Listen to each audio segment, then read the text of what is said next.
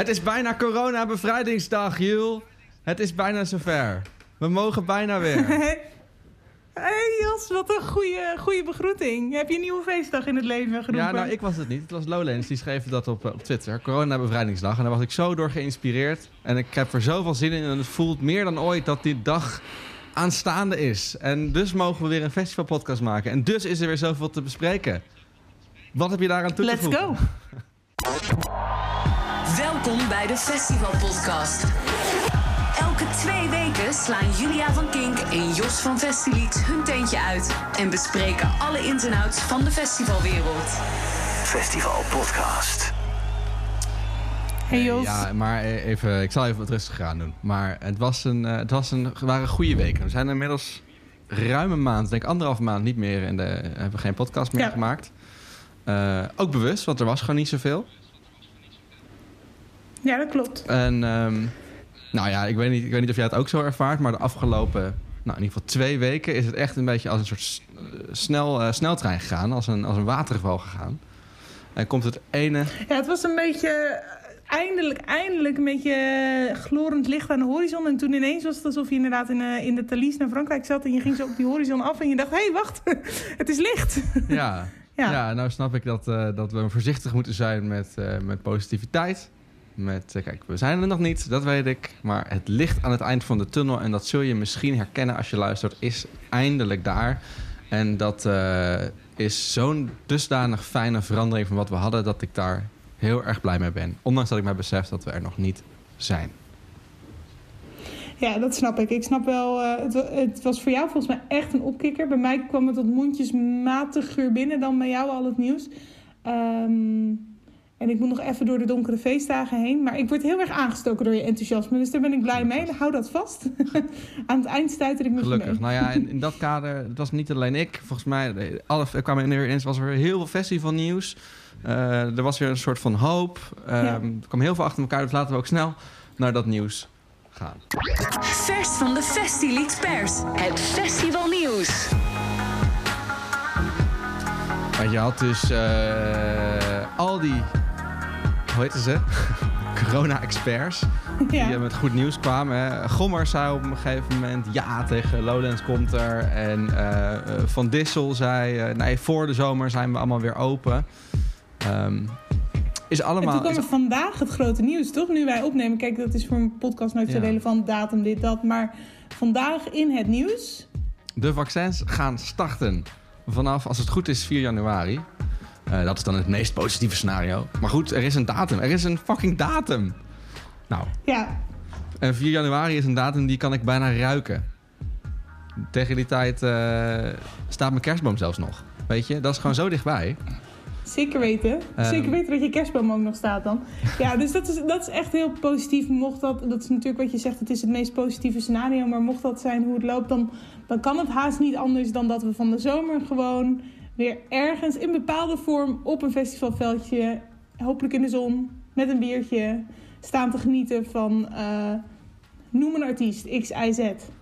Ja, precies. En eh, nou, er was ook tegelijkertijd kwamen kwam in Franse media kwamen met een groot statement. eh, een, een soort eh, opiniecolumn dat op heel veel plekken werd, werd gepubliceerd. Daar stond heel groot: On y croit. We geloven erin. 150 eh, partijen, waaronder de alle grote festivals, Hellfest, Lollapalooza, Rock en Seine, Eurocayenne, eh VJ Cheru. Eh, allemaal met een optimistisch bericht om te laten weten aan de mensen: we geloven erin. Het optimisme is er. We gaan het gewoon fucking fixen volgend jaar. En natuurlijk gaan er aanpassingen moeten plaatsvinden. Maar we, mogen weer, we mogen weer nadenken op een, op een constructieve manier. In plaats van op een manier waarin alleen maar in problemen en beperkingen wordt gedacht. En ehm, nou, dat vond ik heel vet dat ze dat deden. Dat, eh, Dat de krantenknipsels nog niet achter je op de muur hangen. nee, ik ga hem misschien uitprinten boven mijn bed hangen. of als ik wakker word. Ja, Nou, en eh, van Frankrijk is de kleine stap naar Spanje. Mad Cool, een eh, vaak, festival waar we het vaak over hebben hier, kwam ook maar meteen hot. Hier is weer een hele lading namen. Die wilden ze eigenlijk al in augustus ehm, aankondigen. Maar ja, toen kon dat dus toch nog niet, want het was allemaal te onzeker. Artiesten hielden dat allemaal tegen, labels hielden dat allemaal tegen. Eh, maar nu was het er. Nu, nu was er het groene licht van al die partijen. Iedereen dacht, we gaan het gewoon doen. Dus wie kondigen zij aan? Nou, bijvoorbeeld Anderson Paak staat daar. Eh, Kings Leon, die wisten wel. Eh War on Drugs is erbij. Haim. eh Editors, Cardi B. Nou, ontzettend veel nieuwe namen. En als er heel veel nieuwe namen zijn, Jules, dan weet je wat er gaat gebeuren. Ja, een mashup!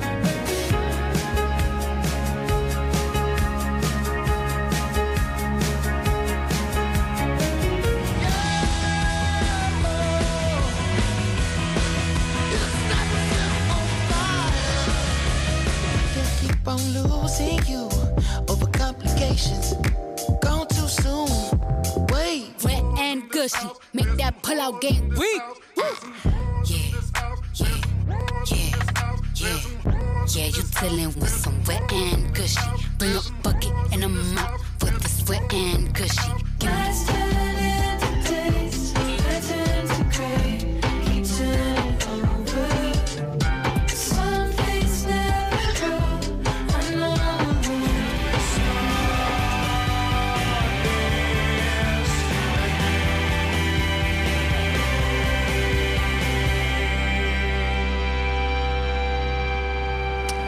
al die nieuwe namen. En eh, inderdaad, eh, Oh. de line-up was al dik. Eh 21 Pilots staan er ook. The Killers, eh Red Hot Chili Peppers, Placebo, Falls, LJ. Hey, wat me wel opvalt, hè? Een hoop van deze namen zijn Amerikaanse artiesten. ja, bijzonder hè?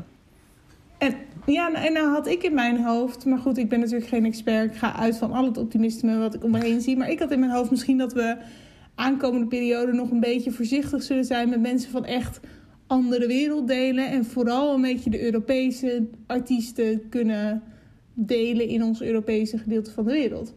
Eh, dus dat vind ik inderdaad wel opvallend. Ja, dat dacht ik in eerste instantie ook tegelijkertijd. Als dat vaccin echt de troefkaart is die we gaan spelen... en daar lijkt het dan toch uiteindelijk wel op... eh, dat zal er denk ik bij ons niet eerder zijn dan in Amerika. Ehm, Nee, dat is natuurlijk waar. Maar goed, je vraagt je wel af in hoeverre het goed uitgerold wordt in Amerika. Als je ziet wat er allemaal misgaat met de medische situatie daar. En of het vaccin er voor de zomer al voor zoveel mensen is dat iedereen werkelijk eh, nou ja, tegen het virus bestemd wat kan ik, worden. wat ik Maar ook wel denk is dat, eh, dat Kings of Leon niet hoeven te wachten... tot ze bij de GGD een griepprikje hoeven te halen. Die gaan natuurlijk... Die hebben, Nee, daar ga je vanuit van niet, hè? Ja. Die, eh, die gaan natuurlijk gewoon een commerciële test kopen. Net zoals je coronatest ook commercieel af kan nemen. Eh, of kun je dat met een vaccin gaat dat ook natuurlijk kunnen. Kun je, die kun je ook gewoon commercieel op de kop tikken. Overigens, Ja. misschien nog wel eh, als dat, Ja. als dat nodig gaat zijn voor een festivalzomer... ook nog wel een tip voor een festivalganger. Maar goed, Gewoon een festivalticket plus vaccin. 10 euro extra. nou, stel je nou voor dat, ehm, dat er festivals zijn... maar eh, je hebt wel een vaccin nodig. Nou, dat is natuurlijk een dikke discussie... die we nu niet gaan voeren. Maar, Mhm. ehm, Ja. En je kan voor een paar honderd euro kun je zo'n zo'n zo'n vaccin commercieel kopen. Zou je dat dan het overwegen waard vinden? Als je daardoor de hele zomer, wij gaan naar veel festivals, niet naar één of twee. Dat je er dan toch lekker heen kan. ja, dat je de hele zomer naar Ja, al die festivals kan. bent, dan je gaan met die banaan. Er zijn natuurlijk veel Ja. maren in dat verhaal, dat snap ik. Maar Ja, ik wou net zeggen, het is niet zo makkelijk beantwoorden als dat. Maar ik snap, ik snap je punt. Ja, het is een, een interessante discussie. Dat is er eentje die we waarschijnlijk in het voorjaar gaan voeren... als we zien hoe de puzzel eh, Ja. Zich, de puzzel Zich gaat leggen, ja. Nou goed, hoe het Ja. uitloopt. Ja. Maar goed, uh, Mad Cool dus. Eh War on Drugs was ik erg blij mee. Eh stond er ook al op, eh op Ja. onze live in Portugal. Dus ja, die gaan weer lekker toeren. Het zou heel mooi zijn als we die ook weer gaan zien in, in Nederland... op een eh Down Rabbit Hole-achtige plek. Of misschien gewoon op Down Rabbit Hole. Niet Down Rabbit Hole-achtig, maar gewoon daar. Boek ze nu. Dankjewel, mooi. Eh, Please, en ik moest heel erg lachen bij, eh bij Mad Cool... om alles wat er gebeurt rondom Billie Eilish daar.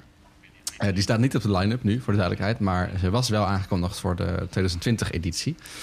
En nou, ze doen er werkelijk alles aan om te hinten dat ze heus wel terugkomt. Maar ze mogen haar duidelijk gewoon nog niet bekendmaken. Want ze lijken dus op Instagram en Twitter alles wat met Billie Eilish te maken heeft. eh, en niet per se wat met andere artiesten te Ah. maken heeft. Haar muziek zat onder de afgelopen aankondigingsvideo. En hun officiële ticketpartner, dat is Fest Ticket, die had een post geschreven met... ehm, nou, wie gaat nou de resterende... eh, er komen nog twee headliners bij. En ze hadden een post geschreven, wie gaat dat nou zijn? Nou, dan verwacht je, nou, dan komt een mooi overzicht, hè. Zoals, je, zoals wij die bijvoorbeeld ook wel eens maken. Nee hoor, het was gewoon, bam. Enige kanshebber, Billie Eilish. Super subtiel. Ja. ja, verwacht, ze doen dat wel vaker. Dat vind ik wel grappig. Ze hadden, geloof ik, 2018 Dat is een situatie met, eh, met Pearl Jam. Die mochten ze ook duidelijk nog niet bekendmaken. Maar dat wilden ze gewoon heel graag. Dus ze gingen de hele tijd hints droppen met Seattle. En, en hetzelfde met Arctic Monkeys. Dan hebben ze een keer de postcode area van Sheffield gedeeld. Allemaal zo. zo. Het verbaast me dat ze nog niet in de problemen Nou. zijn gekomen. Althans, publiekelijk Ja, ermee. nou volgens mij, wat ik begreep, zijn ze daar toen in 2018 dus wel echt in de problemen mee gekomen. Inderdaad, met van man- management van eh, specifiek de Arctic Monkeys, die zoiets had van: yo, we hebben gewoon een global announcement in januari, was het geloof ik. En zij zaten in december, november al max. Iedereen wist al dat ze kwamen. Maar goed, blijkbaar was dat niet, waren ze niet boos genoeg om dat grapje niet nog een keer nu te herhalen met, eh, met Ze zullen, genoeg, eh, ze zullen genoeg betalen aan die artiesten. Want anders zouden ze ook gewoon zeggen... fuck jullie, we doen het niet. Maar goed. Ja, dat blijft, het blijft, zo blijven de dingen rondom Mad Cool altijd wel een beetje zich opstapelen. Maar goed, dat is fijn, want dan kunnen wij het hier regelmatig eh, daar weer over hebben. Precies. Hey, op Mad Cool staat ook... eh Where is Pussy Cardi B? Ja, en die komt ook naar... Nou, de Les Ardentes. Dat is in uh, Yes. Franstalig België, in Luik. Eh, dat is hetzelfde weekend als Wuha. Nou, dat zou natuurlijk wel een, eh, een vette boeking zijn daar. Die zou er in 2018 eh, zou ze er ook al staan, maar toen moest ze afzeggen vanwege haar, haar zwangerschap. Daar op Wuha. Ja, wie weet dat ze gaan komen inhalen. Als we het toch even hebben over Wuha-kanshebbers. Ehm, Longitude, dat is een festival in Ierland, die heeft de line-up aangekondigd. Headliners daar zijn Kendrick Lamar, Tyler, the Creator en ASAP Rocky. En ook op de line-up eh, vaak hier behandeld uh, Lil Uzi Vert, Da Baby en Playboy Cardi. En dat is de week na Wuha. Dus eh, nou, dat zit natuurlijk ook, daar kun je ook wel een lekker toertje op maken natuurlijk. Als je de, de ene week, hoe heet het daar, heel vaak Beek doet en de andere week Ierland. ja. Dus dat is nice. En dan kunnen we... Ik zie nieuws over... Oh nee, speculatienieuws over Rob Ja, er mag weer veilig worden gespeculeerd. Dat is toch fijn. Eh Yes. Werchter is al een heel eind eh, met de affiche. We hebben al redelijk wat headliners. eh, hebben we daar al. Maar op vrijdag ontbreekt er zeker nog wel wat. één of twee. Ehm, dus we hebben een, op Festileaks een uitgebreid geruchtoverzicht gepubliceerd. Mocht je geïnteresseerd zijn, check dat zeker. En wie zijn er nou onder de kanshebbers? Eh, de Strokes zou daar zomaar eens kunnen staan. Die stonden er namelijk al in 2020. Dus een terugkeer zou goed kunnen. Billie Eilish zoekt nog een nieuwe datum. Want we weten door Matt Cool dus een beetje dat ze wel gaat toeren. De Wild Drugs zoekt dus nog een datum. System of a Down stond er eerst wel. Gaan die misschien terugkomen? Dat is een beetje spannend. Eh, de Killers kunnen nog, eh, kunnen nog in België staan. We dachten heel lang dat Kendrick Lamar eh, daar zou staan. Want die stond er eigenlijk afgelopen jaar. Maar die is nu zojuist officieel afgevallen. Nou, niet officieel. Bijna officieel afgevallen. Doordat hij die vrijdag op, op Longitude staat. In, waar, we, waar we net over hadden. En zo is het cirkeltje weer een beetje rond. Mooi hè? Allemaal connected. En de donderdag headliner is er al, dus hij kan niet op donderdag Nee, nee staan. klopt. Alle, eh nee, dat is niet waar. Zondag eh, is er ook nog een gaatje. Maar even om het overzicht voor jou compleet te maken. Op Ja, donderdag vinden wij op elkaar echter Pearl Jam. Nou, dat is, eh, dat is natuurlijk wel duidelijk. Dat is meteen gevuld. Ja. Op zaterdag vinden wij een combinatie van Gorillaz en 21 Pilots. Hm. En op zondag hebben we in ieder geval de Red Hot Chili Peppers. Oh, oké. Ja, eh, eh, Rockwerchter. En, ja, je en gaat... tot met 4 juli. En tot Alright. met 4 juli. En is dat hetzelfde weekend als Down Rabbit Hole? Ehm, ik- Sorry, ik stuur, ik stuur allemaal eh ad hoc vragen jouw kant op. Ik ben blij dat je snel kan googlen. Ja? Nou, dat is wel grappig, want ik zit, ik zit normaal wel redelijk in de materie. Dan weet ik een beetje uit mijn hoofd Mhm. welk festival, welk weekend wat is en hoe, vooral de volgorde en ook wie er waar staat. Maar door dit jaar is het, heb ik het overzicht echt totaal verloren. Omdat die line-ups lijken natuurlijk heel Ja. erg op elkaar van vorig jaar en komend jaar. En wie is nou precies waar Ja. ehm, aangekondigd? Oké, maar dan kijk ik met een schuin oog wel naar de line-up van Werchter voor potentie voor ook Down the. Ja, dat, eh, dat mag zeker. Ja. Ik, hoop dat, eh, we, ik hoop dat we nog wat horen van Down the Rabbit binnenkort. Maar eh, nou, Ik hoop het ook. dat gaan we zien. Over kanshebbers en bevestigde mensen. een van jouw favoriete bands? Ja, Gorillaz heeft een en ander aangekondigd. Gorillaz, joepie, daar ben ik inderdaad fan van. Dat mogen duidelijk zijn als je dit vaker hebt geluisterd. Eh, zaalshows dit keer in Berlijn, Luxemburg, Keulen, Londen. eh, rond juni, juli. Nou, ze hebben al best wel veel dingen aangekondigd. Ze staan op eh, Primavera Sound in, Spanje. Ze staan dus op Werchter, daar hebben we het net over gehad. Ze zijn aangekondigd voor Electric Castle in Roemenië. recentelijk. Maar ja, er mist echt nog wel een Nederlandse, Nederlandse datum. Waar gaan we ze in Nederland vinden? En dat vind ik echt de vraag van het moment. dat is niet voorspelbaar dat ik dat de vraag van het moment vind. Ehm, Ja? Ja, kijk, we hebben het wel eens gehad. eh, Pinkpop, we, hebben het, eh, we, hebben het in, we hebben een paar afleveringen geleden een Pinkpop geruchtenoverzicht gehad. Daar hebben we Gorilla's wel eens genoemd, maar ook wel de duidelijke nadelen daarvan. Goed, qua data past het. Ehm, maar goed, uh, Down Rabbit misschien zou super vet zijn, maar ook wel weer een grote naam. Misschien gewoon een Ziggo Dome show. Um, don't know, don't know. Maar die kunnen we, die kunnen we nog wel ergens verwachten. Dat lijkt me ook wel ergens in die zomer. Tot slot. Um, dan hebben we nog, ja, Electric Ja, Castle. die had ik net al even snel benoemd. Uh, inderdaad, uh, eerste, eerste uh, headliners zijn daar bekend. Gorillaz dus. En ook 21 Pilots en Deftones. Roemenië is dat echt een bucketlist festival. Ga er eens heen, mocht je die artiesten toevallig ook leuk vinden. Check. Um, maar tot slot, nieuws dicht bij huis. En ook nieuws waar ik, waar Ja. blij van word. Want uh, Eurosonic Noorderslag is eigenlijk een beetje waar het allemaal, af, waar het allemaal eindigde afgelopen jaar. Oh. Ja, dat is, uh, dat is het laatste Ja. waar in ieder geval ik ben geweest. En ik denk in jouw geval, dat is Ja. ook zo. Yep. Uh, maar het is bijna weer zover. Het is bijna 13 tot en met 16 januari. Nou, wat gaan ze nou doen? Het festival uh, werd eerst nog een soort van mix voor, maar inmiddels is het duidelijk. Het wordt volledig online. Um, maar het zijn wel gewoon showcases, want het is natuurlijk een showcase festival. Je kan daar nieuwe acts uh, ontdekken. En daar zijn nu de eerste 56 van bekendgemaakt. En traditiegetrouw kende ik er weer eens helemaal niks van. Behalve de, Neder Helemaal behalve de niks? Nederlandse acts.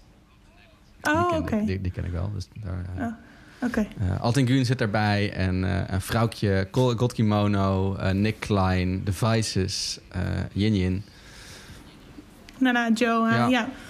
Het zijn weer goede namen. Um, ik heb me verder nog niet verdiept in de line-up. Want normaal gesproken ben ik, uh, als ik nu begin aan de Eurosonic line-up, ben ik rijkelijk laat. Want dan moet je uitzoeken waar je inderdaad allemaal heen gaat. Wie je gaat spreken. Uh, wie er misschien voor Kink een optreden gaat doen. Maar ja, zoals jij ook al zei, het is dit jaar een iets andere vorm. Wat ik wel mooi vind aan de vorm... Uh, is dat de streams online en gratis bekeken kunnen worden. Wat dus het wel een stuk toegankelijker maakt uh, voor iedereen. En dat vind ik wel heel leuk aan, want het is natuurlijk een showcase festival, maar het is vaak ook een soort van industriefestival. Hebben we wel vaker aangekaart, waarbij juist uh, de mensen die in de muziekindustrie werken ook een beetje voorrang krijgen en het beter kunnen zien en allemaal beter bijhouden. Terwijl het ook wel leuk is gewoon voor mensen die fan zijn van muziek om er wat meer betrokken bij te zijn. Dus hopelijk lukt ze dat op deze manier. Ja, dat vind ik ook. Dat, dat biedt echt veel potentie. En um, nou, ja. ik kan me ook voorstellen als je naar deze podcast luistert, dan ben je misschien wel of niet ooit op Eurosonic uh, geweest. Maar ja, nu kun je heel makkelijk er naartoe. En ik kan dat heel erg aanraden, omdat je als je die Eurosonic, als je dat een beetje volgt, als je echt je best doet van nou, een blokkenschemaatje maken, dus ga je een beetje alles luisteren, hè, wat het, uh, waar je wel niet ja. heen wil, dan ben je echt super goed op de hoogte van wat er de rest van het jaar allemaal nog gaat gebeuren. Dat, zul je, dat, dat, dat valt je dan echt op. Oh ja, denk je dan in september, dat is dat Eurosonic bandje wat ik toen al had gezien. Exact. Dan ga je naar Pinkpop hopelijk. En dan zie je ergens op een uh, klein podium dat bandje wat je op Eurosonic bij de livestream hebt gezien. In het echt rocken. En dat is nog toffer dan je al online Weet hebt je wat gezien. misschien leuk is om te doen, Jul? Um, hm? Ik kan me voorstellen dat er heel veel mensen op deze manier voor het eerst uh, tussen haakjes naar Eurosonic gaan. En niet goed mm -hmm. weten hoe dat festival nou echt in elkaar zit. Um, wat je kan doen. Um, hoe het werkt. Moeten wij niet onze volgende podcast, het is namelijk al bijna, als een soort Eurosonic special maken? Mm -hmm. je, je, je, ultieme guide naar Eurosonic Noorderslag. A beginner's guide for Eurosonic 2021. Ja. Precies. Ja, vind voor ik alle, superleuk. Voor alle nieuwe mensen die het festival hopelijk mag gaan uh, verwelkomen in online vorm uh, dit, dit keer. Vind ik echt een superleuk okay. idee. En een beetje voorpret, ja, lijkt okay, me goed. Nou, schrijven we op. En de volgende keer dat jullie ons zoetgevoelige stemgeluid horen... hebben we het over ons favoriete Groningse festival. Zijn er ook eierballen, online versie? Oeh, ik heb nog nooit een eierbal gegeven. Hey, als het uit de vuur komt, ben ik erbij. Ah, fijn. Had ik maar een bumper, dan kon je het item afsluiten. Zeg, over de livestreams ja. gesproken. Um, we hebben het volgens mij vorige aflevering, net zoals we nu een noot maken voor de volgende, hebben het gehad over dat je een beetje verdrinkt in de verschillende livestreams op dit moment. Uh, coronatijd, je kan ook niet veel anders, dus het is wel logisch. En we hebben enige discussie gevoerd over wat een, uh, een faire prijs is voor een livestream. Uh, is 30 euro veel of niet? Of moet je 5 euro of 2 euro vragen en is dat het waard? En dus dachten we, nou, dan gaan we dan maar een keer induiken. Eens kijken naar de verschillende shows die er zijn geweest. Kijken of we het met elkaar kunnen vergelijken. En of we een soort van nou, stempel eraan kunnen geven. Is het het wel of niet waard, zo'n prijskaartje? Ja, en is het een tijdelijk fenomeen? Zeg maar, doen we dit nou maar gewoon omdat het het beste is wat we kunnen? Of is het, hebben we het inmiddels zodanig eh, developed ook dat het iets is wat misschien kan blijven. Dat het echt zijn meerwaarde inmiddels heeft bewezen. Misschien kunnen Ja. we, is het wel een mooi moment om die balans op te gaan maken. Nu na zo'n jaar corona met echt een paar duidelijke grote livestreams. Ehm, er waren natuurlijk heel veel kleintjes, maar er waren denk ik een paar waar we het echt met z'n allen wel eh, veel over hebben gehad. Eh, in eh, hashtag de Ja. bubbel. Ik moet een van de eerste die bij mij in de, in de bubbel opviel was nou ja, het fenomeen wat we natuurlijk de afgelopen anderhalf jaar niet hebben kunnen mislopen, Billie Ja. Eilish. Ehm, wat ik, ik heb de show niet gezien, maar wat mij opviel in reacties om mij heen uit de show en ook volgens mij de recensies en dergelijke is dat het, want het de show kostte 30 euro, een ticket voor de show, Mhm. klopt dat? En eh, daar hebben mensen hun vraagtekens bij gezet. Maar dat wel eigenlijk iedereen die de show heeft gezien het meer dan waard vond. Ik had echt mega FOMO, Ehm. want ik heb het ook niet gezien. Maar echt de recensies achteraf op het godganse internet. Nou, eh, Ja, en dan werkt het dus toch, hè? Want jij zegt ik heb FOMO. En het is niet dat wij nu kunnen zeggen, oké, we kijken terug. Of heb jij stiekem illegaal gefilmde stukjes nou ik kunnen heb het vinden? dus ik niet gezocht. Ik namelijk. heb nog gezorgd dat iemand alsjeblieft de torrent eh geüpload. Maar eh, Ja. niks. Echt Nee. schaarste. Goeie Nee, en dat, en dat is dan toch een, stukje, toch een stukje slim gedaan. Toch een stukje FOMO inderdaad. Want ja, wij hebben die stream gemist. En tenzij dat ze ehm, over een jaar zeggen... nou, we zetten het op Disney Plus of weet ik het wat. Ehm, noem maar wat, hè. Maar dan, dan heb je het ook echt gemist. En ook als ze dat doen, ja, misschien dat je je dan genept voelt... als je de eerste keer 30 euro hebt betaald. Maar goed, eh, dat kan natuurlijk wel dat ze het op die manier aanpakken. hey, een andere show die... ehm, was het vorige week, de week daarvoor... eh, waar veel mensen he- hebben gekeken die ik ken. Ik wou zeggen waar veel mensen heen zijn gegaan, maar goed. Zo voelt dat dus al. Dat kan dus niet. Eh, is die show van de Foo Fighters. Die dat deden vanuit een club in Los Angeles. Hele kleine. Ehm, Een hele kleine club. ja, precies. Het was een hele kleine setup. Het was een stuk kaler. Want Billy was natuurlijk echt met, met, met lichten en special effects en noem maar op. En dit was echt een beetje eh, ja, wat meer stripped back. Wat ook wel past bij de band. Ehm, was ook minder duur volgens mij. Maar alle opbrengsten van die stream gingen naar eh corona-gerelateerde goede doelen. Eh, en die is volgens mij ook heel positief ontvangen onder de mensen die, die ik ken die keken. Disclaimer, mm, ik weet niet of iedereen daarbij voor zijn eigen kaartje heeft hoeven te betalen. Hoezo niet?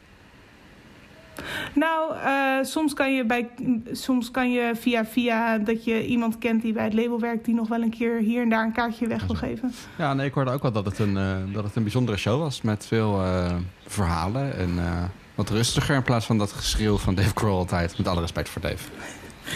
De unplugged Ja. versie, ja. Dat klonk wel cute. Maar we kunnen het misschien vandaag het beste hebben over het meest recente voorbeeld. Afgelopen vrijdag, eh, 27 november, Dua Lipa. De ster van het jaar. In ieder geval één van de sterren van het jaar.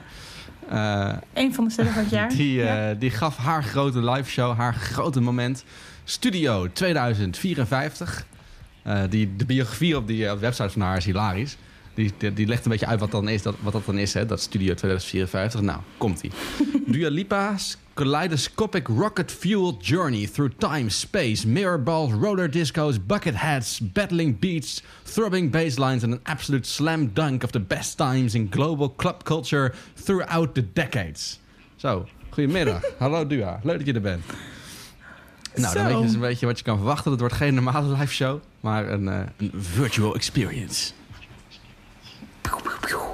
Eh, wat kost die virtual experience? kaartje was, eh, was eh, mooi te doen. Eh 12 euro kostte dat. En je had ook, vond ik ook grappig, je kon ook een, een VIP-ticket kopen. Hè, zoals een echte popshow natuurlijk betaamt zijn. Ja, er, zijn ja. er VIP-tickets te krijgen. Nou, die waren niet heel astronomisch. Die waren 17 euro. En dan kreeg je er een, een soort pre-show bij met een, een, een filmpje van Dua zelf. En nou, wat, wat, wat gekkigheid. Ehm, maar goed, we zijn natuurlijk benieuwd. Hoe was dat? En wat doen wij bij de Festival Podcast? Ja, en we zoeken mensen die daar zijn geweest. Of in dit geval, die hebben gekeken. Ja, Dus we hebben Puk en Camille. Die wilden naar eh Dua Lipa kijken. En we vroegen ze allereerst, voordat het allemaal plaatsvond... joh, waarom in godsnaam een livestream van Dua Lipa? Puk en Camille. Sowieso, omdat het, eh, dat album, dat laatste album wat is uitgebracht, Future Nostalgia, dat is een beetje disco-achtig. En eh, ik heb echt al die live optredens gezien, al die eh, videoclips, weet je wel. En ja, natuurlijk het album geluisterd. En alles daarvan vind ik gewoon echt fucking vet, weet je. Dus de visuals, al die kleuren, eh, nou ja, alle live instrumenten, zeg maar. Dat zijn wel allemaal dingen waarvan ik denk van ja, dit is wel echt de moeite waard. Ja, ik vond sowieso, ik vind Dua Lipa een hele leuke artiest. En ehm, ik luister haar liedjes ook wel regelmatig. En ik vond dit album en de liedjes die ze nu heeft uitgebracht ehm, ook heel leuk. En ik had haar nog nooit gezien. En voor de corona ze hadden we sowieso wel een beetje plannen om naar een concert te gaan van haar in de toekomst. En ehm, ja, nu dachten we dat, dat we zagen dat eh, ze zoiets deed, waren we wel benieuwd. En eh, wilden we ook wel kijken of dat wel leuk was, want vonden we ook wel een creatieve oplossing. Echte fans dus. Mensen die eh, nou, heel vooral heel benieuwd zijn. Die goed passen dus in deze doelgroep. Want ik denk dat dat wel een vereist Ja. is voor zo'n livestream. Helemaal als je ervoor moet betalen. Je gaat niet zo snel 15 euro neerleggen voor een artiest die je niet zo goed kent. Lijkt Zouden ze daarover na hebben gedacht? Of het geld geven wel het waard was? Puk en Camille? Terwijl ik de eerste artiest waarvan ik denk dat het de moeite waard is om daar echt geld aan uit te geven. Zeker in deze tijd. Want ja, normaal ga je dan op tour, maar ja, dat kan nou gewoon niet. Dus ik vond het dan wel bij Lipa in dat geval de moeite waard. Sowieso om de artiest te steunen. Als dan wel zeg maar voor echt het entertainment. bij deze vooral omdat we toch wel van plan waren om naar een concert te gaan. Dus ik was wel gewoon heel benieuwd naar eh, hoe ze deze liedjes deze keer uitbracht. En dit is eigenlijk de enige manier om nu nog haar te zien, zeg maar. Dus eh, dat leek me al wel leuk. En ehm, ja, hun hebben het natuurlijk ook moeilijker nou in deze tijd. En ik dacht, ja, ik vond het wel dan leuk om toch nog eh, iets van haar te zien. Fair enough. Dus eh, het is de enige keuze die ze hebben. En dan moet er maar eh gedokt worden. Ja, dat is ook wel zo. Ja. Nou, dan is het natuurlijk maar één Ja. vraag. ja, wat vonden ze van die show? Het beloofde echt een mega spektakel te worden. Maar was dat ook wat het was? En wat vonden zij ervan? Bij de show van Dua Lipa zag je eigenlijk een hele grote eh, loods. En daarbij hadden ze verschillende aparte kamertjes gemaakt. En zij liep dan eh, van kamer naar kamer. En daarbij kon je dan eh, verschillende lichten zien. Ehm, er kwamen steeds andere dansers bij. Ze had ook per nummer eigenlijk een ander outfit aan. En eh, ja, die kamers waren allemaal heel verschillend ingericht. De ene was bijvoorbeeld helemaal rood en met heel druk behang. En de andere had heel veel neonlichten. En de andere was weer heel industrieel. Dus dat was heel variërend. Ja, ik was best wel verbaasd. Ik vond het best wel leuk. Ik- maar ik had eigenlijk niet verwacht. eh, ja, volgens ik dat natuurlijk dat steeds goed kon dansen. Dus eh, ik dacht van oké, ik ben wel benieuwd hoe dat dan gaat. Maar ik was echt heel verrast over nou, nummer 1 hoe het zeg maar aan elkaar gebreid werd. Nummer 2 eh, de setting zeg maar echt van die halcel. Ik vond ook wel vet eh, nou, hoe zij kon zingen live. Ik had haar nog nooit echt live horen zingen of zo, dus ik was daar wel echt verrast. En ook wel hoe goed dat zeg maar, in combinatie ging met het dansen. Want het dansen was wel echt, ja, het was niet zeg maar, ik wil Beyoncé of zo die aan het dansen was. Maar het was wel gewoon echt vermakelijk en goed. Dus ik was echt wel, ik vond wel mijn 15 euro waard. Zeker wel. Ik vond het eigenlijk heel erg leuk. Ik had niet verwacht dat ik het zo boeiend vond. Eh, ik was aan het kijken met een vriend en ik dacht dat we heel veel zouden kletsen. Maar eigenlijk hebben we echt aandachtig naar de show zitten kijken. Net zoals dat je eigenlijk doet bij een concert. En eh, ook omdat het live was, vond ik het heel leuk. Want het klinkt dan toch heel anders. Of ja, net anders dan dat je het luistert via bijvoorbeeld Spotify.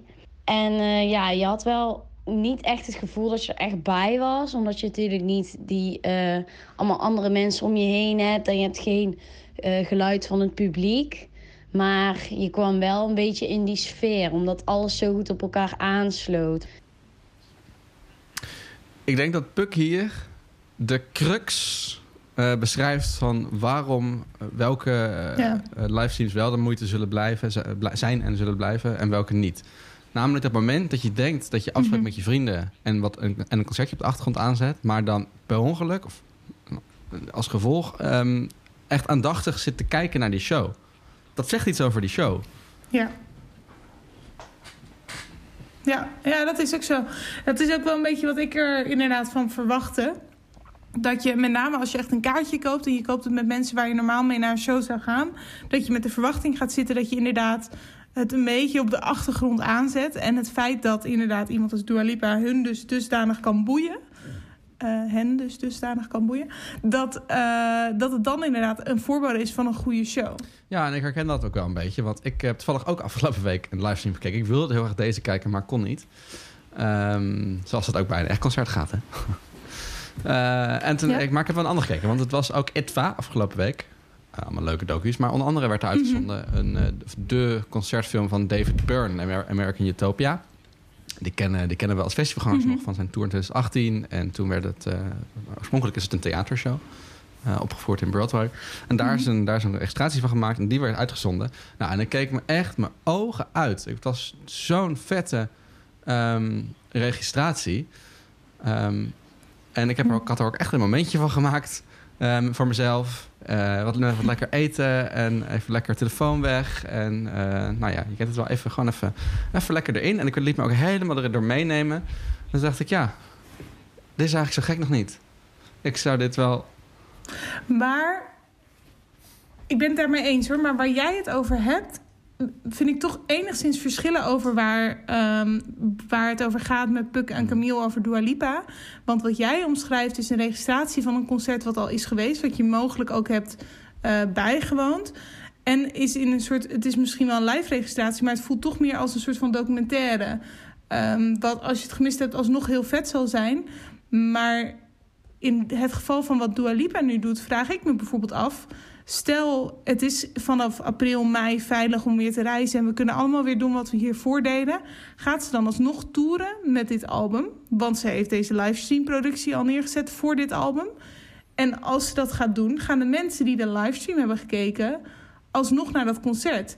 Want als mensen alsnog de noodzaak hebben om naar dat concert te gaan, of zij alsnog de noodzaak heeft om daarmee te toeren, wat ik zeker kan begrijpen, dan is het toch niet een volledige vervanging. En dat is natuurlijk ook een vraag die we stellen. Kan je eh, het zien als een vervanging? En kan je dus dusdanig prijskaartje eraan hangen, wat verhouding, in verhouding het een vervanging maakt, zeg ja, maar. dat, dat, denk, ik- dat denk ik inderdaad niet. Zeg maar, die live shows kunnen er natuurlijk... Of dit kan er natuurlijk niet tegen live shows op. En als Dua Lipa nog een keer komt, Nee. of wel komt... dan zullen, weet ik zeker dat Puk en Gemiel daar zeker wel gewoon naartoe gaan. Maar toch terugkomend op Ja. wat je, waarmee je begon... namelijk dat verschil inderdaad terecht... dat Dua Lipa's Hm. show was live op het moment dat het werd gestreamd. En wat ik zag was een maanden eerder geleden opgenomen eh, docu. Ehm, maar het werd wel live uitgezonden op ITVA. Dus ik keek dat wel samen met heel veel andere mensen op dat moment. En ik kon ook de dag daarna met Ah, mensen die ik wist dat ze ook hadden gekeken... kon ik erover meepraten. Eh, kon ik erover napraten. En dat, Hm. dat element daaraan is denk ik wat het wel, wat het wel belangrijk maakt. En ook wat, wat ik wel als een, eh, iets zie wat blijft. Ik zou het best vet vinden dat, als, Hm. daar hebben we volgens mij al eerder over gehad... als Coldplay in de arena staat en ik heb gewoon geen zin om daar 200 euro voor neer te leggen... eh, dat ik dan wel gewoon lekker hier op de bank ga liggen, ga zitten eh, en die show ga kijken. En dan toch de volgende dag En voor Ja. een tientje die show kijk en het dan wel meemaak. En dat het dan niet ergens anders nog een keer via streaming of zo voor iedereen beschikbaar is. Maar dat het gewoon exclusief is voor die mensen die daar een klein beetje geld voor Ja, want het gaat, over dat, ja. het gaat over dat gevoel van meemaken. Het gevoel van dat het op dat moment gebeurt. Ehm, Ja. ja, ik denk dat dat bijzonder is. En ik hoop niet dat als we iets hebben geleerd van eh, de afgelopen periode... is dat een livestream waarbij je een camera zet op... Dat is het, nou, je een camera zet op eh, een groep mensen... en die gaan gewoon spelen. Een beetje à la Foo Fighters. Dat vind ik de moeite niet. Dat is een leuk extraatje of zo. Maar sympathiek dat ze het doen. Zeker als je het geld aan het goed doel geeft. Maar daar... Ja, dat, dat, nou, dat, vind ik, dat vind ik absoluut geen vervanger. Ook niet echt een aanvulling. Ehm, maar als je het aanpakt zoals eh Billie Eilish klinkt... zoals Dua Lipa klinkt... en zoals ik David Byrne zag... dan hoop ik dat dat soort momenten zeker Mhm. wel blijven. En dat is een soort digitaal samenkomen... eh, wat ook wel weer zijn gezelligheid kent. Met een goede watch, eh, digitale watchparty daarbij. En eh nakletsen. Nakletsen is leuk. Interessant. Je- en dan dus, ehm, wij trekken onze conclusies hieruit. Zijn er ook nog conclusies voor Camille en Puk? Zouden zij het aanraden Ik naar aanleiding van dit concert? Ja, ook al zaten we wel thuis, eh, was het toch wel een soort van een avondje uit of zo. We hadden gewoon, nou ja, dan wel een laptop bijgezet, niet echt een tv of zo, maar een wijntje erbij, wat te eten erbij. En ja, je maakt toch wel een soort van, het is toch wel een avondvullend programma. En je bent toch op een of andere manier wordt je meegenomen zeg maar, in een andere ruimte of zo. Dus ja, ik ga het zeker waar. Want het is wel gewoon. Dus voor mij voelde het echt als een avondje uit. En ik vond dat wel heel bekend natuurlijk, want ik was echt al super lang niet meer uitgegaan. Dus ik zou het wel aanraden, ja. Ik zou het iemand anders zeker aanraden om een kaartje te kopen wanneer je ergens fan van bent. Of ja, fan. Als je ergens graag naar luistert en je vindt één bepaalde artiest heel leuk. En daarbij ook vooral het album.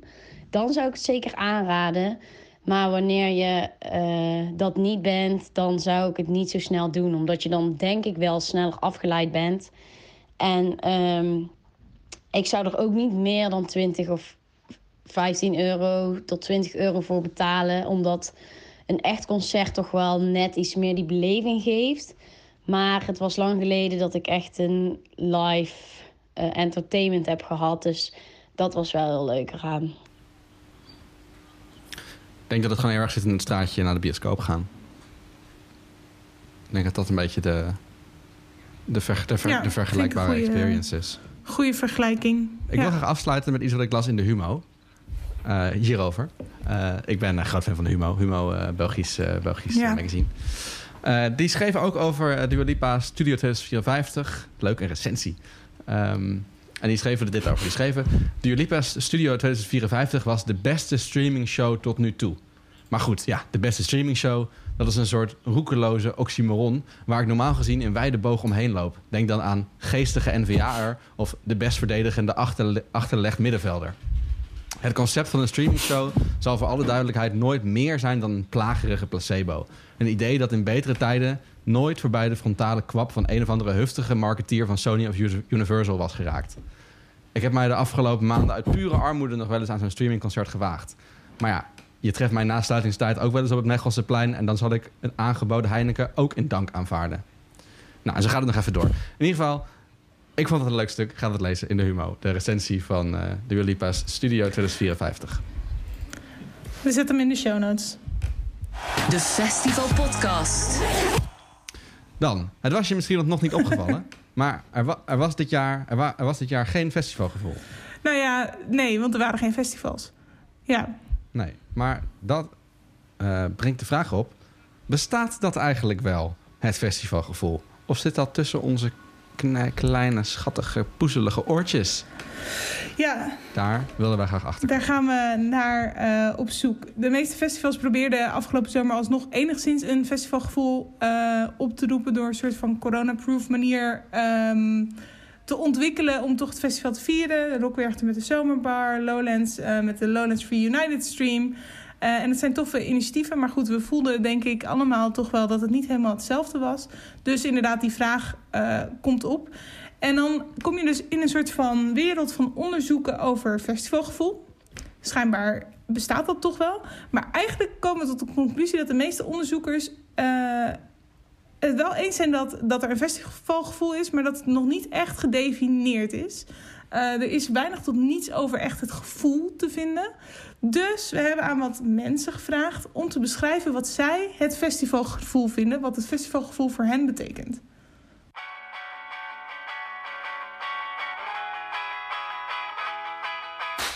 Het ultieme festivalgevoel voor mij is je vrienden kwijtraken en helemaal opgaan in de massa. Ehm, festivalgevoel is voor mij gewoon complete tijd vergeten. Want voor je het weet is het klaar. En dan heb je gewoon... Dan baal je gewoon fucking hard. Want je wil nog langer. Het ultieme festivalgevoel is voor mij het gevoel dat je even helemaal weg bent van de normale wereld. Je staat gewoon met je vrienden, met lekker weer, met een biertje in je hand te genieten van je favoriete muziek. En op dat moment hoef je gewoon eventjes aan helemaal niks anders te denken. Behalve gewoon genieten van dat moment. Voor mij is het festivalgevoel een soort van roes in een andere wereld. Met allemaal fijne, gezellige, leuke mensen die precies hetzelfde ervaren net als jij. Nou, dat is al een mooie verzameling van smaken van mensen, maar Dus dat kan eh, ik. wij belden met festivalonderzoeker Martijn Mulder om te vragen wat het festivalgevoel eh, precies is en wat het nou precies bijzonder maakt. Hij doet namens de Erasmus Universiteit onderzoek naar podia en festivals en hij is ook ac- actief als hoofddocent Leisure Management aan de Willem de Koning Academie in Rotterdam. En hij vertelde over festivalgevoel het volgende. Kijk, ehm, als je gaat kijken naar hoe ehm, eh, gewoon even gaat kijken naar het menselijk gedrag. In, in, bijvoorbeeld in Nederland, in onze samenleving, dan zie je dat we, dat we een extreem druk eh, en, en leven hebben. En als je dan gaat kijken naar, naar vrije tijdsgedrag, en dat is niet nieuw, maar dat is eigenlijk al, uh, dat geldt al heel lang. Dat de basis van wat mensen doen op het moment dat ze zelf uh, uh, een soort van zeggenschap hebben over hun tijd, is dat ze niet hoeven te werken, niet met eten of slapen of wat dan ook bezig zijn. Dan is eigenlijk in de kern alles wat we dan doen, of bijna alles is terug te voeren op het willen ontsnappen aan het alledaagse. Wat eigenlijk natuurlijk een beetje gek is. Hè? Je, je leeft op een bepaalde manier, maar vervolgens op het moment dat je zelf eh, vrij bent, dan, dan ga je vooral kijken hoe je ontsnappen, kan ontsnappen aan dat leven wat je leidt. Um, en als je dan gaat kijken naar, naar vrije tijdsgedrag in het algemeen, dan, dan zie je dat de mens eigenlijk een aantal dingen heeft gevonden uh, uh, waarin je voor je gevoel goed kan ontsnappen aan je alledaagse leven. Nou, dat kan zijn letterlijk weggaan, hè, op vakantie gaan, naar een andere plek gaan. Of uh, wat dichter bij huis een afgesloten plek zoeken. Een plek waar je echt uh, misschien letterlijk met, met, met hekken afgesloten bent van de rest van de wereld. En echt het idee hebt dat je in een andere geborgen omgeving bent. Uh, dat kan zijn dat, dat je letterlijk in een andere rol kruipt. Hè. Denk aan cosplay, denk aan carnaval. Nou, alles waarin mensen zich voordoen als iemand anders. Dat kan heel erg opgaan in muziek of in, opgaan in de massa zijn. Nou, dat zie, die twee dingen zie je ook allebei heel erg terug in, in de kerk, in religie. Um, dat kan zijn het, het, uh, de behoefte aan het opdoen van nieuwe prikkels. Dus op zoek gaan naar inspiratie, naar schoonheid, naar kunst. Dat kan zijn hedonisme, gewoon jezelf heel erg willen verwennen en, uh, en genieten. Dat kan zijn uh, verdovende middelen, gebruik van alcohol, gebruik van drugs. Nou, en je voelt hem al aankomen. Al die elementen die ik nu noem, die zitten in feite in het, in het festivalgevoel uh, en in het festivalleven. Je gaat naar een andere plek, uh, je, je, je gaat misschien op in een andere rol, je voelt de vrijheid om je te kleden en te gedragen zoals je wil. Uh, er is dan in, in vergelijking met de normale wereld meer ruimte, normaal gesproken, om, om alcohol en drugs te gebruiken. Dat is ook meer geaccepteerd. je kan ongegeneerd opgaan in de muziek, in de massa. nou ja, dan heb ik bijna al die, die dingen gehad. Hè. Je bent op zoek naar, naar inspiratie, naar creativiteit eigenlijk al die elementen die mensen zoeken uh, in, in, hun, uh, in hun vrije tijd, die komen samen in uh, heel veel festivals. En dat is volgens mij de kracht ervan, dat dit wel misschien een van de ultieme vormen is waar ja, zeg maar de mens in, in de 21ste eeuw, in ieder geval in onze Nederlandse samenleving, behoefte aan heeft. En waar je echt het ultieme gevoel hebt, daar is dat gevoel weer, dat je ja, misschien wel in een omgeving ben of op een plek uh, tijdelijk, wat, wat voor jou op dat moment misschien wel voelt als, als de ideale wereld of de ideale plek. Vind ik echt een geweldig verhaal van Martijn. Ja. Dus... Het is eigenlijk, het is, het is wel interessant dat hij dus ook aanstipt dat eigenlijk is het hij kan heel duidelijk maken dat het festivalgevoel dus eigenlijk ook heel anders is dan bijvoorbeeld een concertbeleving. En nou ja, het is gewoon heel interessant dat hij al die verschillende dingen weet aan te stippen. Het, het, komt in mij in ieder geval heel herkenbaar over. Zonder dat ik het ooit bewust had kunnen benoemen. Ik weet niet hoe jij dat uh, ziet. Ja, dat zijn de meest geniale dingen in het leven, hè, waarvan je denkt, oh ja, natuurlijk. Maar net, ja. je legt echt uit dat nou ja, festivals, dat is dus waar al die dingen samenkomen. Een soort van de verzameling van alle dingen die we zoeken uh, buiten, ons, uh, buiten, buiten de dagelijkse gang van zaken. Heb ik er nooit op die manier en... naar gekeken. Geweldig. Ja, en nou ja, hij noemt dus uh, eigenlijk drie belangrijke factoren die samenhangen met alle dingen die hij net heeft genoemd, die dus inspelen op dat festivalgevoel. Ja, en ook, ja precies. Dus, dus, waarom ga je nou naar festivals? Dat is om te ontsnappen uit die dagelijkse sleur. Het gaat heel erg om ja. het samen zijn. Het gaat heel erg om ontdekken. En dat is ook waarin het meteen verschilt in bijvoorbeeld een concertbeleving. Want dat gaat wat minder over die drie dingen. Hij heeft letterlijk daar onderzoek naar gedaan, Martijn. Het heet het, uh, ja grote live publieksonderzoek. En uh, bij concerten ga je dus niet voor naar ontsnapping samen zijn ontdekken. Nee, daarvoor ga je naar, uh, daarvoor ga je naar voor, voor, de muziek. Voor de, voor de uniekheid van dat moment, de exclusiviteit, dat momentum wat je mm -hmm. daar beleeft. En dat is bij festivals. Dat is, nou, in alle eerlijkheid, dat is wel bijzonder. Maar ze zijn ook vrij hetzelfde. Um, snap je? Ja, je hebt niet al die, verschillende, al die verschillende dingen die je ook mee kan maken op een festival. Dat is het precies.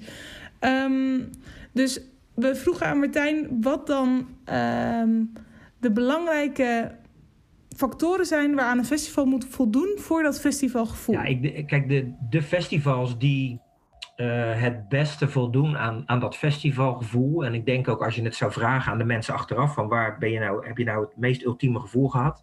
Dat zijn logischerwijs de festivals die het beste voldoen aan, aan de elementen die ik eerder noemde. Hè? Dus echt het ehm, ehm, ja, eh, immersive is het in het Engels. Dus echt dat, dat helemaal opgaan.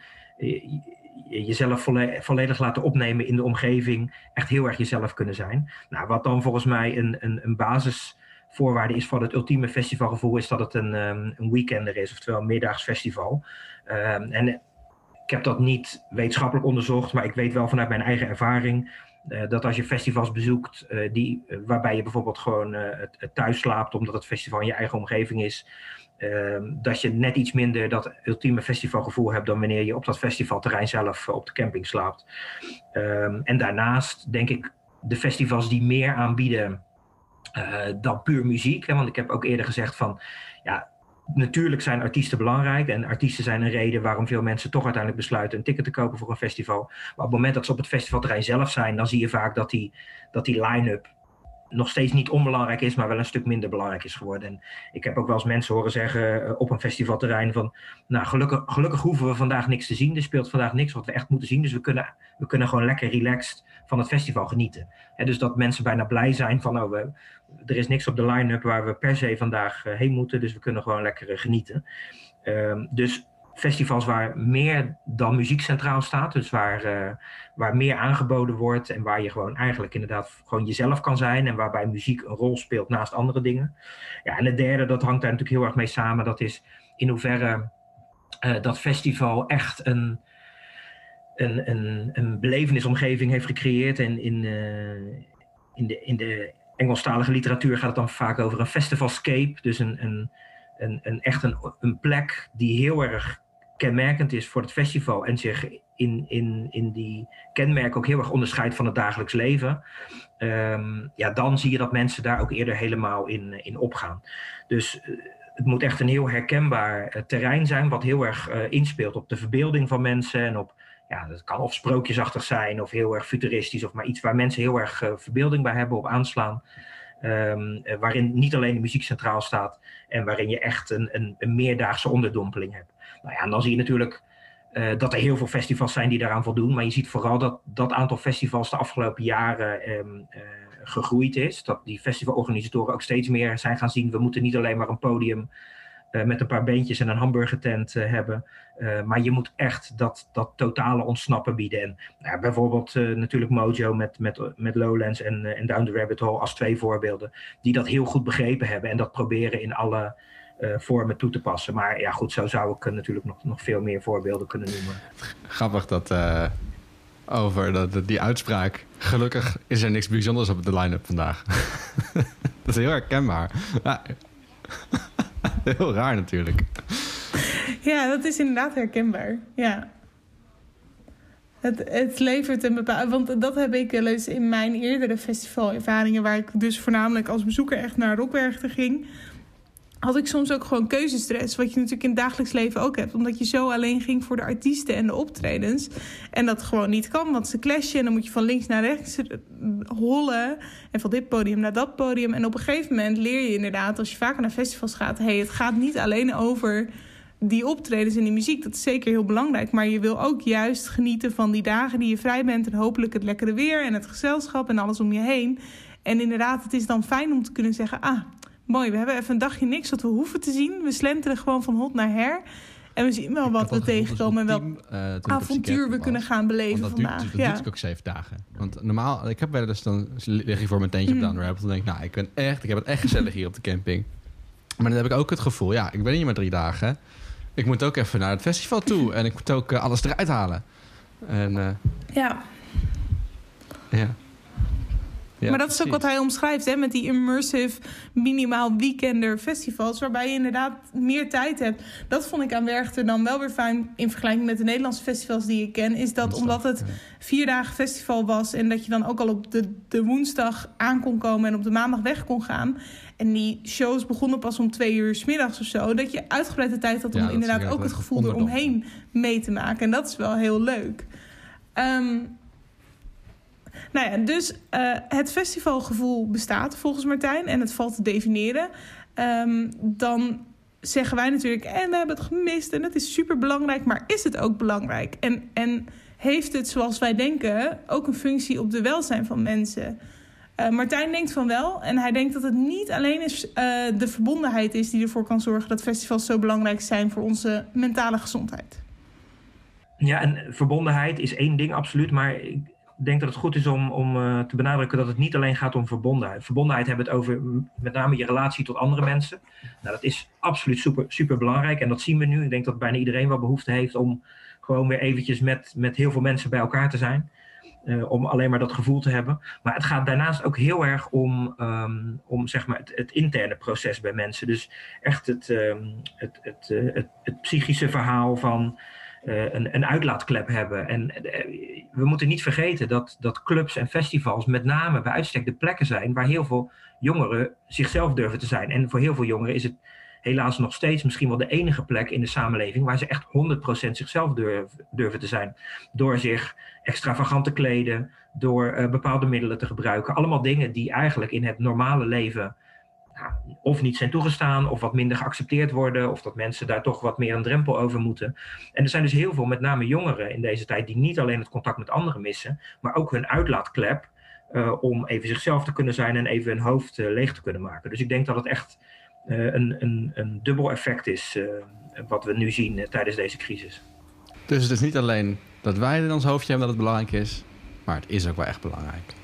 Ja, het is wel fijn misschien om dat bevestigd te krijgen. Dat we niet gek zijn, maar dat het ook gewoon wel logisch is als je het wat moeilijker hebt gehad afgelopen zomer. Omdat je gewoon wat dingen hebt gemist, waaronder het gewoon belangrijke festivalgevoel.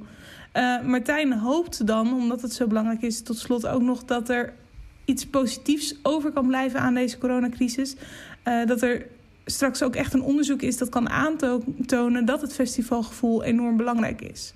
Relevant de afgelopen jaren wel duidelijk aangetoond wat eh, meer ook het, ehm, het, de waarde van festivals in het algemeen voor de samenleving is. En wat natuurlijk zie je nog vaak, hoewel dat minder wordt, dat mensen het toch een beetje wegzetten als iets van nou, eh, leuke feestjes organiseren. Ehm, eh, alsof dat ten eerste heel makkelijk is om te doen en ten tweede eigenlijk niet zoveel voorstelt. Nou, ik denk natuurlijk ook dat dit jaar 2020 heel duidelijk aantoont ehm, dat die feestjes er niet voor niks zijn. Dat die feestjes er zijn omdat mensen daar behoefte aan hebben. En ik ben ervan overtuigd dat in een samenleving waarin het aantal prikkels en eh, ja, prikkels van buitenaf, maar ook de druk die wij zelf voelen eh, op het gebied van studie, werk en alles wat we willen combineren, sociale media, dat dat er, le- alleen maar toe bijdraagt dat we meer en meer behoefte hebben aan dit soort eh, dingen in ons leven. En ik, nou, ik ben nu op dit moment bezig met een, een onderzoek naar ehm, in hoeverre mensen het uitgaansleven bijvoorbeeld missen. Eh, ja, waarin we ook kijken, en er zijn natuurlijk wel al signalen voor, dat, dat het mensen echt ehm, ehm, verdrietig, boos maakt, sommigen zelfs wat, wat neerslachtiger maakt. Eh, dus ik hoop, hè, als deze crisis ons iets op moet, mag leveren, dat het ook is dat we daarmee ook wetenschappelijk aan kunnen tonen dat het echt heel erg van belang is dat die festivals en die clubs en dat hele uitgaansleven, dat dat er is, omdat het eh, ja, ons, ons leven gewoon wat, wat beter maakt. Je weet pas wat je had als je het niet meer hebt. Mooie eindwoorden hier van eh, Martijn Mulder. Thanks. Van de Erasmus Universiteit en de Willem de Koning Academie. Allebei natuurlijk in Rotterdam. We gaan het weer over Pinkpop hebben. Maar niet voordat we de echte grote... We gaan naar een van de grootste, grootste ter wereld, Jos. Je zou hem bijna overslaan, maar doe het niet, want hier is de festivalbaron. Hij bezocht Pinkpop vaker dan Jan Smeets. Hij kent alle best kept secrets van de festivalwereld. Hij bezocht iedere rabbit hole van de lage landen. Hij is de overtreffende trap van elke festivalganger. Graag uw volle attentie en stilte. Voor een verse wijsheid van de festivalbaron. Zorg dat je campingstoel niet wordt gejat. Want anders heb je het hele weekend last van je gat.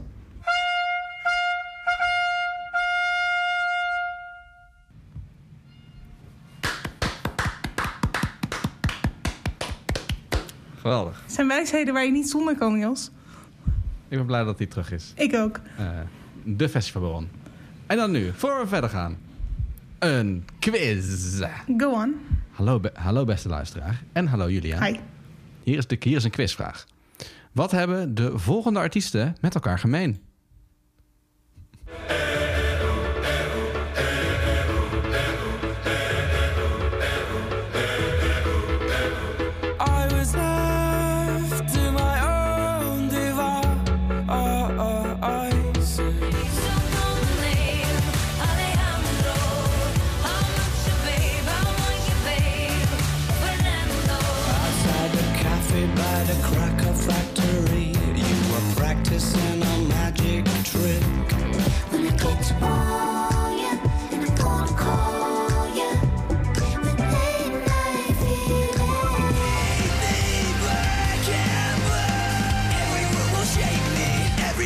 Build my throne. Step right up, walk right in, walk all over me and set me free. Come on. Come on. Even kijken, we hoorden Bastille, Lady Gaga, Licky Lee, eh, Arctic Monkeys, eh Jamai en Bring Me The Horizon, volgens mij. Nou, Ehm, nou makkelijk. ze stonden toch? allemaal op Pinkpop? Nee, nee. Volgens mij heeft Jamai nog nooit op Pinkpop Nee? gestaan. En uh, Lady Gaga trouwens ook. Nou, ah, Ik weet het niet. Oké, ja. Was niet het goede antwoord. Eh, het antwoord is... De, ehm, al deze artiesten zijn geboren in het jaar waar we het vandaag over gaan hebben. En dat is 1986. Oeh, oké, oké. Ehm, Even een we gaan terug naar 86. We gaan het hebben over... Pinkpop 1986. Een, be- een belangrijk jaar eh, voor het festival. Even een kleine schets van de wereld toen. Ik weet het nog goed, 1986. Eh, in januari eh, scheidt Aruba zich af van de rest van de, in- van de Antillen. In februari wordt de 14e Elfstedentocht gereden. En in mei boekt het CDA van Ruud Lubbers een flinke winst in de Tweede Kamer. Maar waar we het nu echt over gaan hebben... eh, Pinkpop is na een paar jaar en tegenvallers er weer helemaal bovenop. Voor het eerste jaren zijn ze weer uitverkocht. Pinkpop 1986, een legendarische editie. Een editie waard om naar terug te throwbacken, wat we vandaag gaan doen. Ehm, op de line-up de Waterboys, de Cult en de grote act The Cure. Ehm, dat, zou uiteindelijk, eh, dat jaar zou uiteindelijk de boeken ingaan als het jaar wat Pinkpop redde. Nou, daar gaan we induiken. We hebben natuurlijk weer mensen gesproken die daar zijn geweest. Ehm, maar eerst misschien even een kleine eh, uitleg waarom er wat er nou eigenlijk aan de hand was. De jaren daarvoor eh, verkeerde Pinkpop eigenlijk in best wel zwaar weer. Het wilde gewoon niet zo, niet zo goed meer lukken met, met, eh, met het boeken van artiesten. Ze leunden eerst heel erg op die oude publiekstrekkers, hè, de police en zo, maar die werden allemaal veel te duur. Eh, tegelijkertijd ging Torhout Werchter, de buren, die eh, strooiden geld en die haalden Depeche Mode en U2 en de Simple Minds. Ja, en daardoor wilde niemand meer, of nou ja, er wilden weinig mensen nog, nog naar Pinkpop. Ehm, en in 1986 eh, had Werchter weliswaar Talk Talk en UB40. Mooie, mooie dingen Ja. op de poster.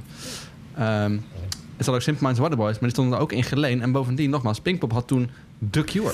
Ehm, misschien goed om even te kijken naar hoe Pinkpop klonk in 86 op 19 mei. Ja, dit was eh, de line-up. Pinkpop 1986. Eén dag dus Ja. toen nog.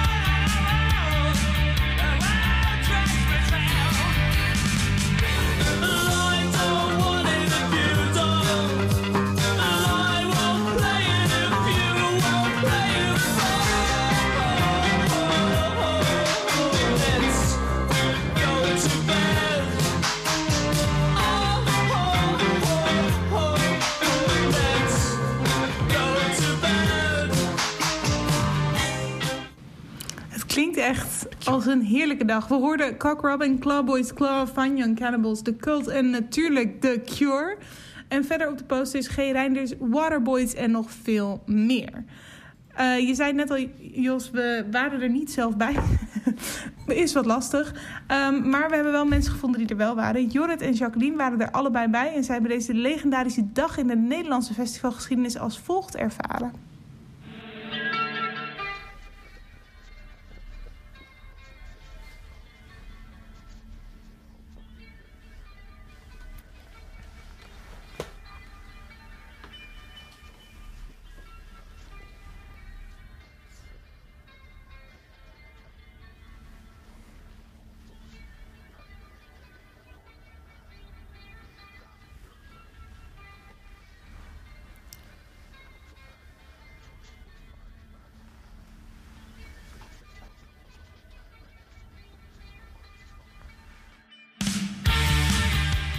Ja, het was mijn allereerste festival ooit.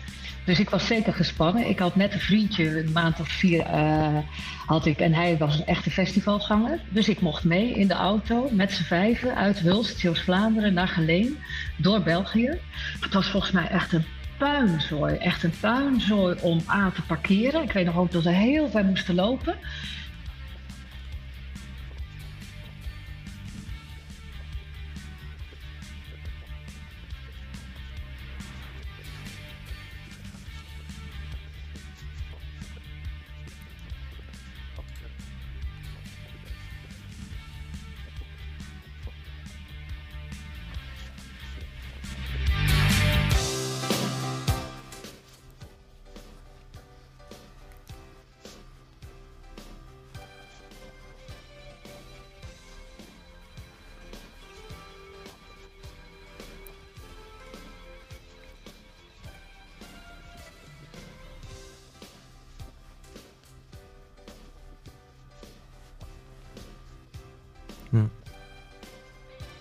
Ik had.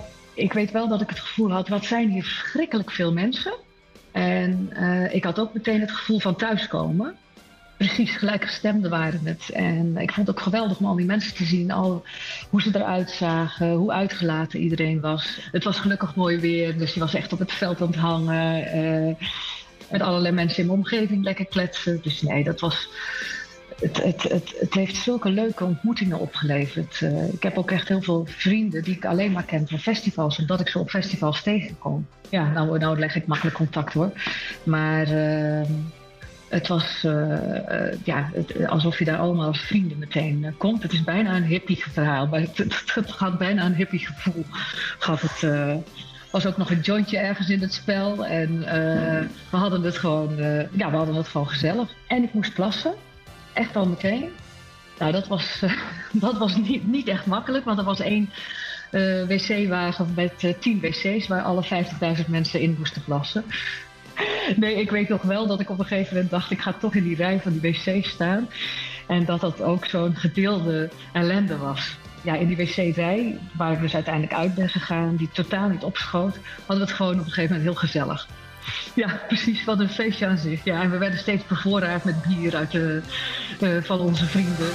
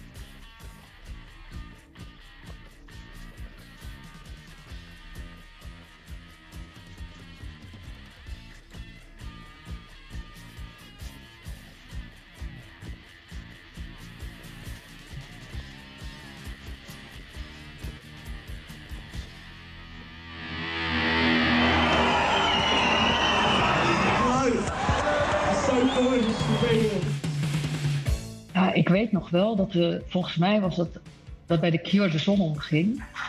Of dat het donker werd en dat de lichten aangingen. En dat dat ehm, eh, lekker einde van de dag, hè, je bent een beetje rozig. ehm, en dat ik op dat moment echt dacht van dit is het mooiste moment wat ik tot nu toe heb beleefd in mijn leven.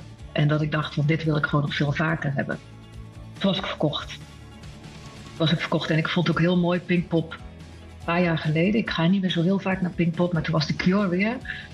En eh, ik moest even door zijn nieuwe, pafferige gezicht heen kijken. Maar het was weer zo fantastisch. En toen moest ik ook wel weer terugdenken aan eh, die keer in eh 86. Dat was eigenlijk mijn eerste ervaring en dat, dat is me altijd bijgebleven.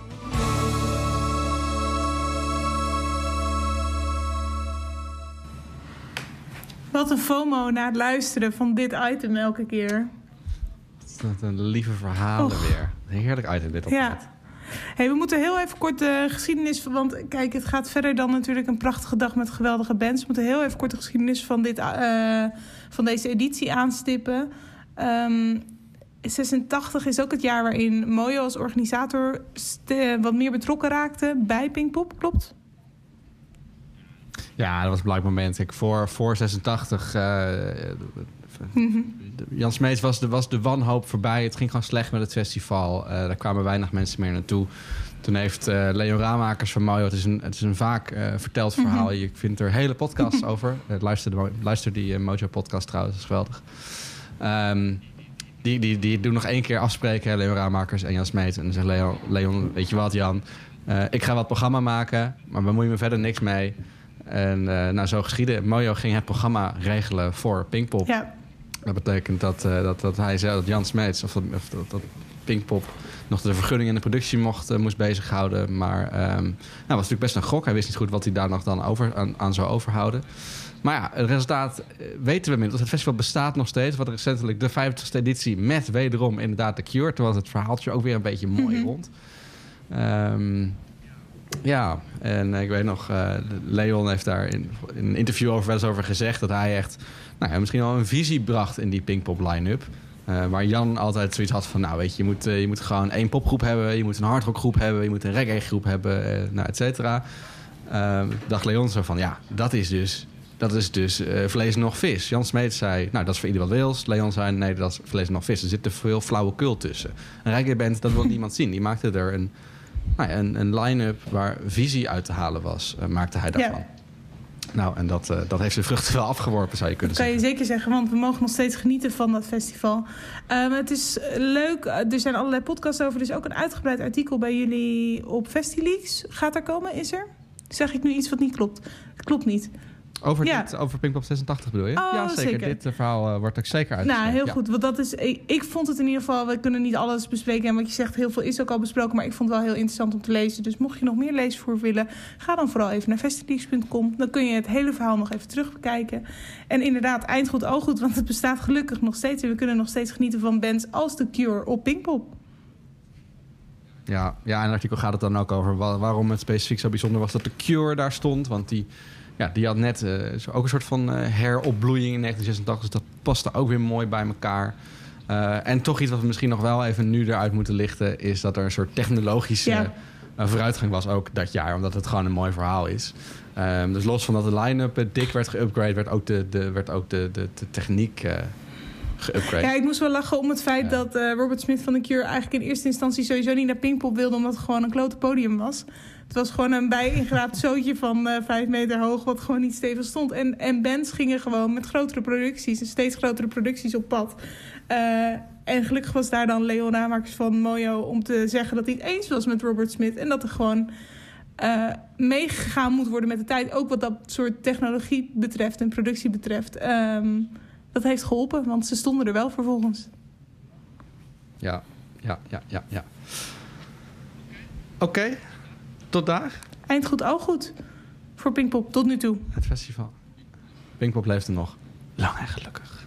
En we hebben weer een, de langste podcast in tijden weer eens gemaakt. hey, joh. het is een nieuw record. Er, er was, eh, we hebben eindelijk weer, hadden we weer een, eh, een podcast te maken. We hadden weer veel te vertellen. Er was veel nieuws, er was veel optimisme en hoop. En dan hebben we het nog niet eens gehad over Swift. Ja, kan volgende keer weer. In de Jong Ah, Special. top. Moeten we daar vinden. Nou, laten we... Ben je, ben je wat optimistischer geworden? Je zei aan het begin van de podcast... nou, ik voel het nog Ja. niet helemaal. Ja, ik voel hem wel. Ik, ik, ehm, nou, het is een lekkere bubbel waar we nu in zitten. Dus ik voel, eh, voel het optimisme. En ik vind het leuk om te speculeren en vooruit te kijken. Ehm, ik ga proberen dat vast te houden. Het wordt nog een beetje gek misschien met de Eurosonic eh, digitale editie. Maar goed, in ieder geval iets van live muziek. Beter dan niks. En eh, ja, ik voel het positieve. En ik hoop dat we, dat we het ook waar kunnen maken. Dat we aankomende zomer gewoon lekker in de zon staan te genieten van live muziek. En al het andere wat mee met, komt met een festivalgevoel. Ik hoop het ook. We gaan eh, mega interessante maanden tegemoet. Het laatste woord is er zeker nog niet over gezegd. Ehm, er is zeker nog geen zekerheid dat wij in juni weer op een festival staan. er zal nog veel moeten gebeuren voor die tijd. En ik heb er heel veel zin in. Ik heb er nu weer zin in om dat proces te gaan volgen.